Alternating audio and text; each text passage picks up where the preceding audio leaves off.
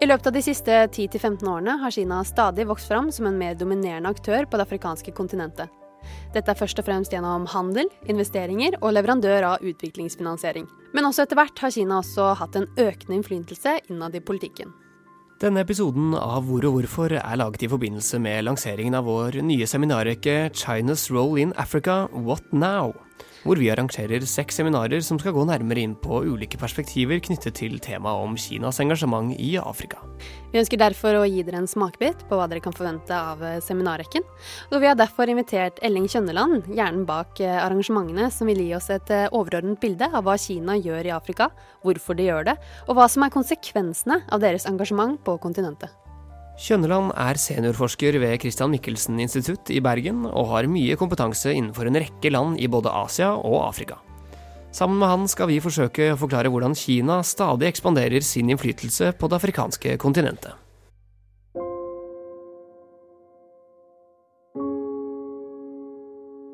Kina er en republikk som befinner seg i den østlige delen av Asia, og kategoriseres også som kontinentets største land. Etter at Kinas kommunistparti overtok makten i 1949, har landet fungert som en folkerepublikk. Landet består av 22 provinser, fem selvstyrte områder, fire bykommuner og to administrative regioner. Likevel er staten svært politisk sentralisert og omtales som et autoritært regime.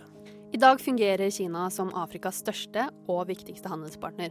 De moderne politiske og økonomiske forholdene mellom regionene startet ordentlig fra og med det 21. århundre. I de senere årene har Kina bygget stadig sterkere økonomiske bånd til Afrika. Flere hevder at Kinas engasjement i Afrika har en strategisk baktanke om å bygge seg opp som en supermakt. Utad omtaler Kinas utenriksdepartement at involveringen på det afrikanske kontinentet har som formål å opprettholde de lovlige rettighetene til utviklingsland og presse fram etableringen i en ny, rettferdig politisk og økonomisk orden i verden. Hva er egentlig grunnen til at eh, Kina syns at Afrika er så interessant, og hvilke konsekvenser vil et slikt engasjement ha på den globale situasjonen? Med oss i studio i dag så har vi med oss Elling Kjønneland. Og sammen med deg så skal vi forsøke å forklare hva det kinesiske engasjementet i Afrika egentlig går ut på. Velkommen hit, Elling. Takk skal dere ha. Så vi tenkte jo da å begynne med et ganske bredt spørsmål for å starte intervjuet. Eh, og da tenkte vi å spørre deg hvorfor er det så interessant for Kina å være i Afrika? Hva er det som gjør Afrika så interessant? Det er flere grunner, men først så tror jeg vi eh, må slå fast at eh, Kina er blitt veldig store i Afrika, en økonomisk stormakt. Og det har skjedd på veldig kort tid, i løpet av en 10-15 år. Eh, og årsakene har primært med økonomi å gjøre det er kommersielle interesser. Kina ønsker seg tilgang på eh, råvarer, sikker tilgang på råvarer, og spesielt olje, som de er veldig avhengig av. Og de venter seg her særlig til Afrika, til oljeeksporterende land der, med Angola i spissen, så, så forsøkte de å sikre seg tilgang på olje. Og eh, i en periode så sto Angola for kanskje en tredjedel av forbruket av olje i Kina. Det er den ene grunnen. Den andre er at eh, Kina satset sterkt på at deres selskap selskapet skulle ekspandere og go global, som det heter, altså bli globale. Og Afrika var også viktig eh, her. Så det er nok de økonomiske grunnene. Eh, på kort tid har dette ført til at eh, Kina er blitt Afrikas største handelspartner. For kinesisk økonomi så betyr nok Afrika om man ser bort fra en del råvarer og sånn, så betyr nok Afrika lite, en relativt lite marked. Men eh, det har nå vært viktig, og spesielt i den tidlige fasen av den kinesiske ekspansjonen av statsselskaper i, i Kina. Men i tillegg til dette så er det også en politisk side. Afrika er et kontinent, stort, 54 land.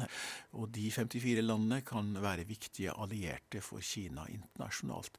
Og Samtidig ligger det i forlengelsen av en veldig sterk kinesisk understrekning, helt tilbake til opprettelsen av Folkerepublikken eh, i 1949, av sør-sør-samarbeid, hvor utviklingsland skal samarbeide. Og i det bildet er Afrika veldig viktig for Kina. Og de siste årene så har jo Kina brukt mye penger på å utvikle en infrastruktur i Afrika. Dette er jo for å drive handel lettere og også investering i bedrifter. Kan du ikke fortelle oss litt om denne silkeveien, som de kaller det, og hvilke eh, konsekvenser og påvirkninger dette vil ha på den globale handelen? Som en del av Kinas ekspansjon så har man også lansert de siste årene eh, en såkalt belte- og vei-strategi, hvor man skal bygge opp nye handelsruter for eh, å lette og sikre Kinas samhandel med omverdenen. Dette har nok primært vært rettet inn mot Asia og Europa, men i de siste par-tre årene så har også Afrika blitt en del av dette. Og det har ført til at eh, Kina har stilt eh, lån til disposisjon for å bygge ut infrastruktur. Men denne voldsomme infrastruktursatsingen som vi har sett i Afrika, den har faktisk en noe eldre historie enn belte- og veistrategien. Den startet for en 10-15 år siden, hvor Kina eh, brukte dette for å få tilgang på natur naturressurser, altså framfor alt olje, hvor man ga lån til afrikanske land, særlig land som Angola og Den demokratiske republikken Kongo, som skulle tilbakebetales i form av eh, leveranser av olje. Og disse pengene skulle, fra Kina skulle brukes til å eh, bygge ut infrastruktur som det var et skrikende behov for i disse landene. tenker jeg på veier, jernbaner, kraftverk, havner, flyplasser. Eh, og det er et, en sektor som og Afrika står veldig svakt. Det er viktig for å få Afrika på fot igjen økonomisk at de får en infrastruktur opp og gå. Og her har Kina blitt den store, tunge aktøren på kontinentet. Og i dag er de langt viktigere enn en del av de tradisjonelle finansieringskildene i, i Vesten, som Verdensbanken og de andre utviklingsbankene. Så her er de blitt store. Og så har jo da dette blitt forsterket eh, med denne såkalte belte- og vei-strategien, eh, hvor man nå har begynt å gi eh, lån, finansiering på gunstige vilkår, hvor dette er til infrastrukturformål, og hvor dette er knyttet da til bruk av kinesiske selskaper for å, for å bygge ut dette. Hvor mange land vil du anslå at Kina er inne i i Afrika i dag? De er inne i Jeg tror vi i praksis kan si at det er inne i alle 54 land. Det er noen land, og framfor alt eh, kanskje Eswitini eller det tidligere Svasiland, hvor de formelt ikke er inne, fordi de, dette landet fortsatt har diplomatiske forbindelser med, med Taiwan. Men ellers så er det inne over alt. Men eh, når det er sagt, så er det slik at det er noen land som dominerer. Eh, og det er selvfølgelig de store økonomiene i Afrika, altså Sør-Afrika, Nigeria, Egypt, til dels Kenya, eh, hvor de er tungt inne, sammen med de råvarene eksporterende økonomiene, særlig Angola og Zambia. Samhandelen med Afrika og mellom Afrika og Kina domineres av undertiland, selv om de er aktive i alle 54. Eller nesten alle 54. Og eh, du nevnte litt denne her gjeldskrisen som eh, Kina har eh, bidratt til i Afrika. Hvilke konsekvenser har det at Kina hjelper de afrikanske landene såpass mye med økonomi? Vil dette føre til at Kina får et slags overtak over landet? Ja, både og. Et viktig trekk ved Kinas, Kinas, økonomiske ekspansjon har vært dominert litt av to ting. Det ene har vært handel, hvor man henter råvarer og eksporterer ferdigvarer tilbake, for å si det litt enkelt. Det andre har vært eh, tilbud om lån, eh, som skal brukes da på kinesiske varer og tjenester. Og jeg har nevnt det tidligere infrastrukturområdet som kanskje det viktigste satsingen. Eh, problemet og utfordringa for Kina er at eh, de har eh, satset på en litt sånn gammeldags måte å drive infrastrukturutbygging på. De har kommet med ingeniørproduktet, eh, sine selskaper, eh, sin teknologi, og så har de levert eh, nøkkelferdige prosjekter. Men de har tatt lite hensyn til hva som kreves for at dette skal bli bærekraftige. Forundersøkelsene har vært for dårlige, man har lagt for lite vekt på at de skal driftes etterpå. Og det har gjort at en del av disse prosjektene eh, ikke har vært på kort sikt i hvert fall, lønnsomme for disse landene. Og de klarer ikke å betale tilbake og betjene lånene. Og med covid-pandemien eh, og det uføret som Afrika har havnet i økonomisk pga. det, så har vi fått det som for mange land en, en gjeldskrise. Og dette har også da rammet forholdet mellom Kina og eh, afrikanske land som har tatt opp mye lån, og hvor Kina har vært tvunget til å refinansiere lånepakkene. En vanskelig situasjon for Kina, for de har blitt betraktet nå i økende grad av afrikanske land som noen som er akkurat lik alle de andre vestlige landene som eh, de har gjeld til. Eh, Kina har svart på dette med De har tilbudt refinansiering. De har i veldig liten grad ettergitt gjeld, og sånt, men de har stort sett slått seg på eh, utsetting med betaling av renter og avdrag. Så har skjøvet foreløpig skjøvet problemene foran seg. Når Kina låner ut så mye penger til utviklingsformål, så eh, jo dette, gjør jo dette at Kina får, får innflytelse også. Eh, men Kina får også et problem når lånene ikke kan betjenes. Eh, for Afrika så har skal vi kalle det nettogevinsten av dette vært nokså blandet. Vel er det blitt mer avhengig av Kina, men samtidig har det fått flere hester å spille på. De kan vende seg nå mot både mot gamle kolonimakter, finansier, vestlige finansieringsinstitusjoner, Kina og andre, og spiller på flere hester. Så slik sett så står de i en litt sterkere posisjon enn de gjorde før.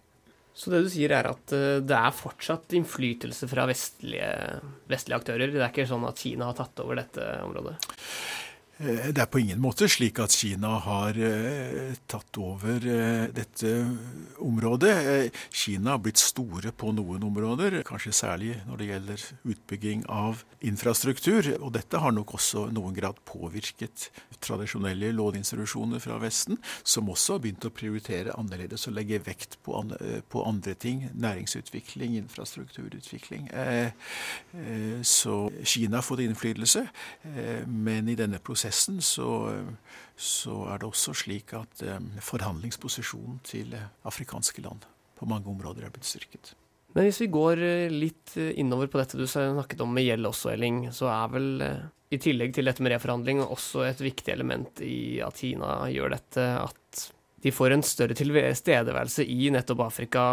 Når en såpass større tilstedeværelse av Kina havner, hvis vi skal gå litt inn på dette med fiskerigrenser, da, så vil vel en tilstedeværelse til Kina Kina i Afrika sørge for at de vil ha en, føle at de vil ha en større fiskerigrense enn de har.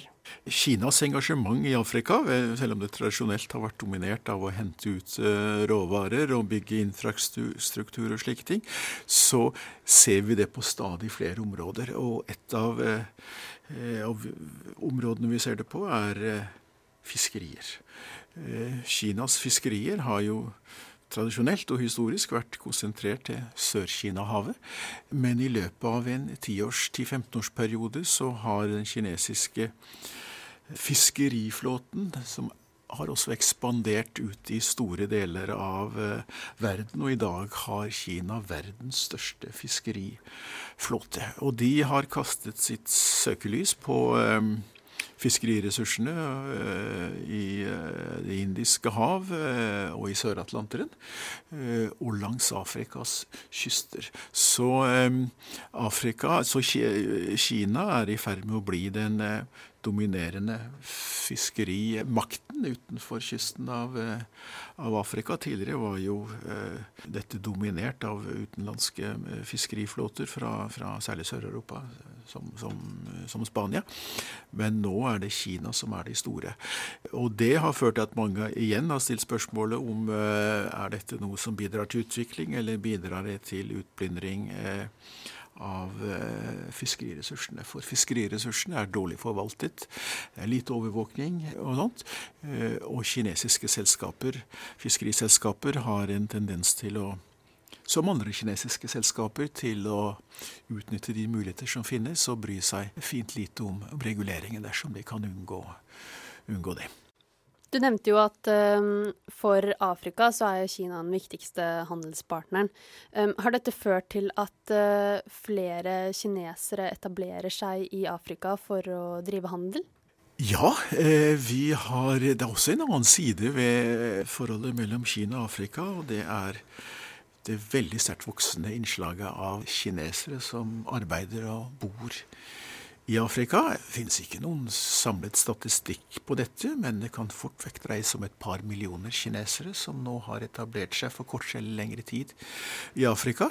Eh, de første som kom, var knyttet til eh, arbeidskraft i bygg- og anleggsindustrien, altså byggingen av infrastruktur. Men dette har igjen dratt med seg andre kinesiske kinesere, småentreprenører, men også folk med høy kompetanse og utdanning som tar seg jobb i de store kinesiske selskapene som opererer på kontinentet. Eh, så, eh, så, det er et av de endringene som er skal vi si, veldig synlige eh, i bokstavelig talt i gatebildet i, i, mange afrikanske storbyer, men også mindre byer, hvor du ser nå innslag av, av kinesere. Vi har jo nå vært litt inne på eh, infrastrukturen som utvikles, og gjeldskrisen og fiskeriflåter. Men fortsatt så er jo Afrika et kontinent som er preget av flere utviklingsland.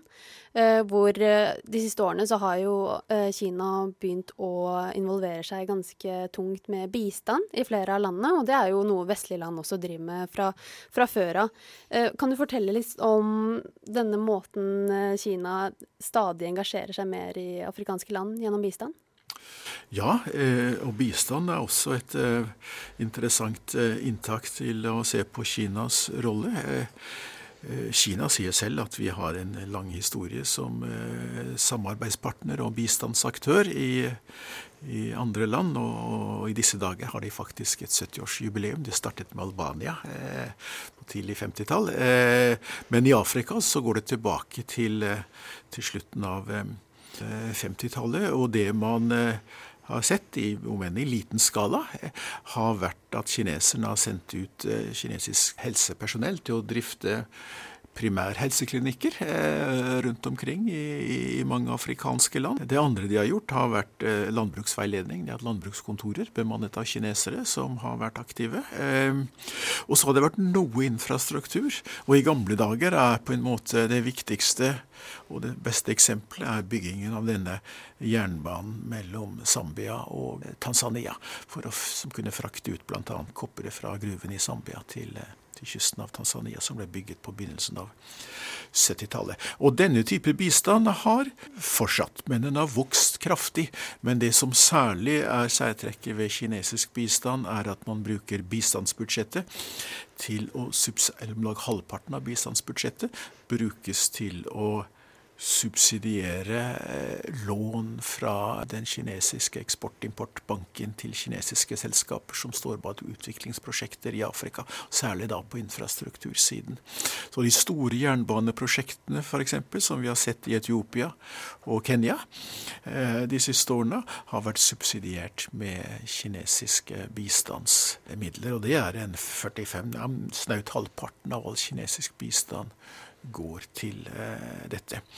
Et særtrekk ved kinesisk bistand er også at det er veldig lite penger som mottakerne ser. Det er stort sett knyttet til varer og eh, tjenester fra Kina. Så afrikanerne, mottakerne, ser veldig lite penger, selv om det er noe av det også.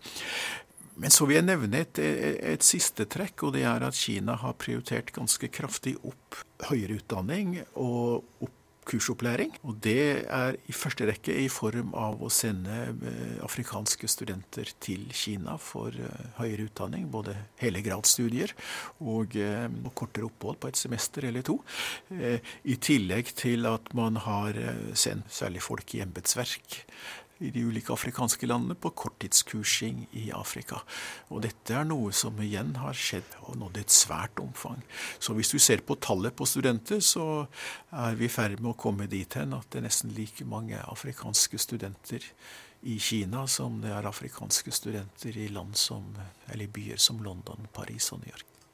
Du nevnte at Kina er inne på mange forskjellige måter i afrikanske land, men eh, vi kan jo ikke gå utenom at eh, Afrika også er et eh, kontinent preget av en del konflikter.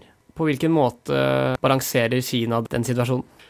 Kina har alltid hatt en bære, som en bæreplanke i sin utenrikspolitikk, er at man ikke skal drive innblanding i andre lands anliggende. Det har vært en viktig ledetråd også for engasjementet i Afrika. Man blander seg ikke direkte inn i indrelandsanliggende. Det eneste de er opptatt av, er stabilitet, forutsigbarhet, og at pengene brukes slik de skal, dvs. Si på kjøp av varer og tjenester fra, fra Kina. Det har begynt å føre Kina opp i et eh, vanskelig dilemma, for i flere afrikanske land så er det ustabilitet. I noen land er det konflikter, eller deler av landet er preget av voldelige konflikter. Og dette har, i pakt med at Kina også er ekspandert, så har det, Kina også blitt rammet av det. Og det som på mange måter var Eh, kan vi kalle det et vendepunkt for Kina, eller en wake-up call, det var den arabiske våren og sammenbruddet for Gaddafi-regimet i Libya. Her hadde Kina eh, engasjert seg tungt. Det var kanskje 10 000 kinesere som jobbet i Libya. De hadde store lån til regimet i eh, Tripoli. Eh, og så å si over natten så raknet alt dette, og kineserne måtte evakueres i en svær eh, luftbrooperasjon. Og siden den gang så har nok Kina forsøkt å eh, holde fast på prinsippet om ikke-innblanding, men samtidig så har de balansert dette med å være opptatt av at stabiliteten må sikres, og at de har et apparat som kan eh, beskytte kinesiske interesser når de er truet. Og dette eh, har ikke vært lett for kineserne, men vi har sett at de har om enn nølende og enn forsiktig. De har engasjert seg som meklere og støttespillere i fredsprosesser i enkelte land, som f.eks. og kanskje særlig i Sør-Sudan. Eh, og vi har sett at de har eh, blitt en aktiv deltaker i fredsbevarende operasjoner i regi av FN. Kina er det landet blant de faste medlemmene av Sikkerhetsrådet som har flest soldater i fredsbevarende operasjoner i Afrika. Eh, ikke mange, riktignok, et par tusen, men det er flere enn alle de andre.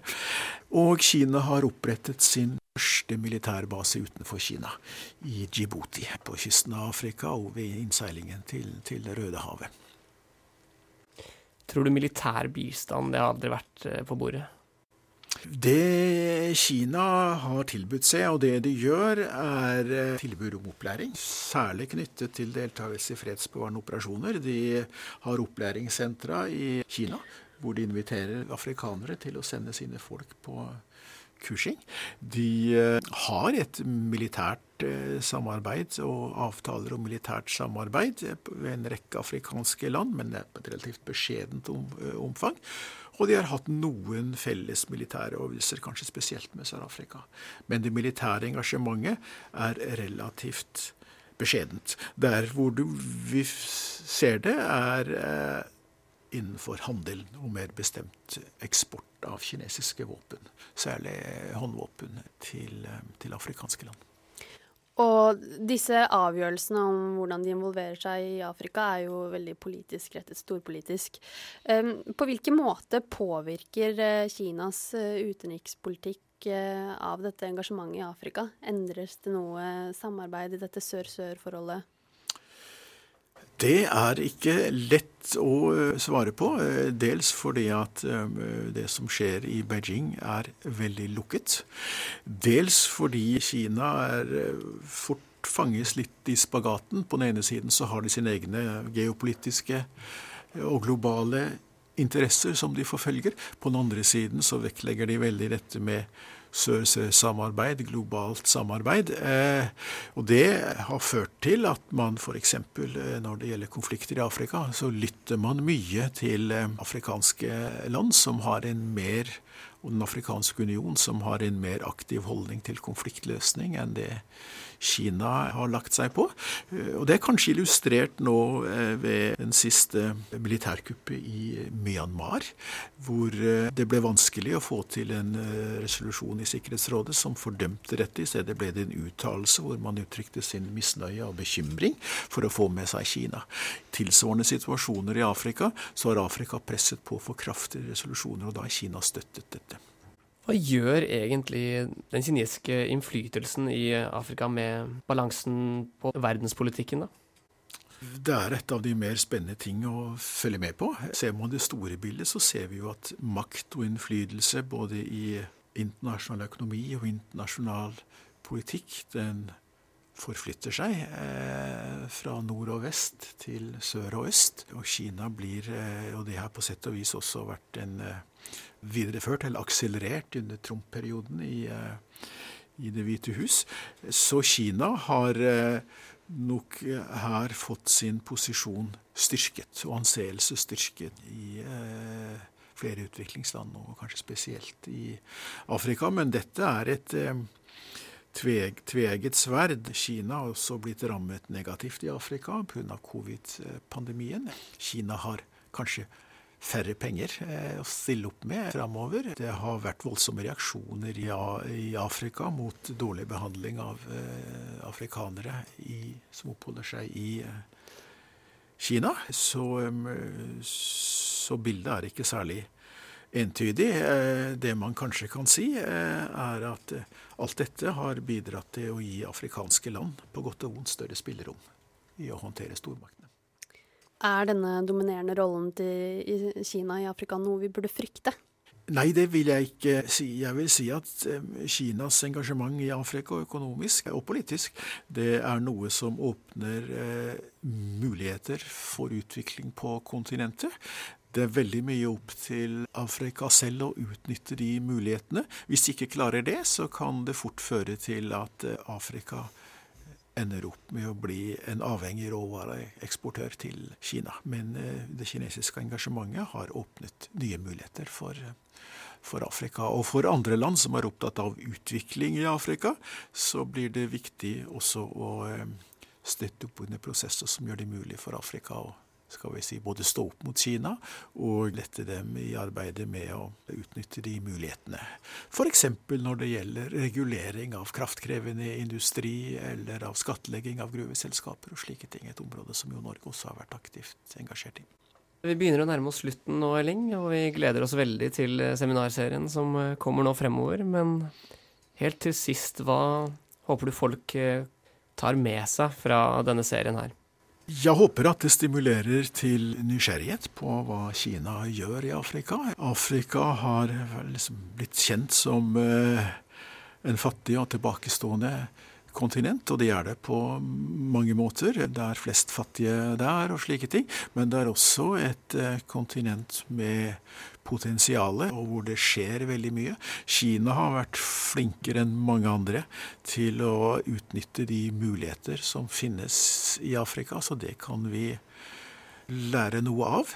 Men eh, Framfor alt så tror jeg eh, en sånn seminarserie både burde være av interesse for de som er opptatt av Kinas rolle i internasjonal politikk, hva Kina gjør eh, i andre utviklings, i andre fattige land, og for de som er opptatt av utvikling og bistand på kontinentet. Tusen takk for at du ble med her. Det var kjempeinteressant. Og jeg håper at dette vekket oppmerksomheten til folk som har lyst til å delta på seminarene som dere kan komme på i løpet av denne våren. Takk for at jeg fikk komme.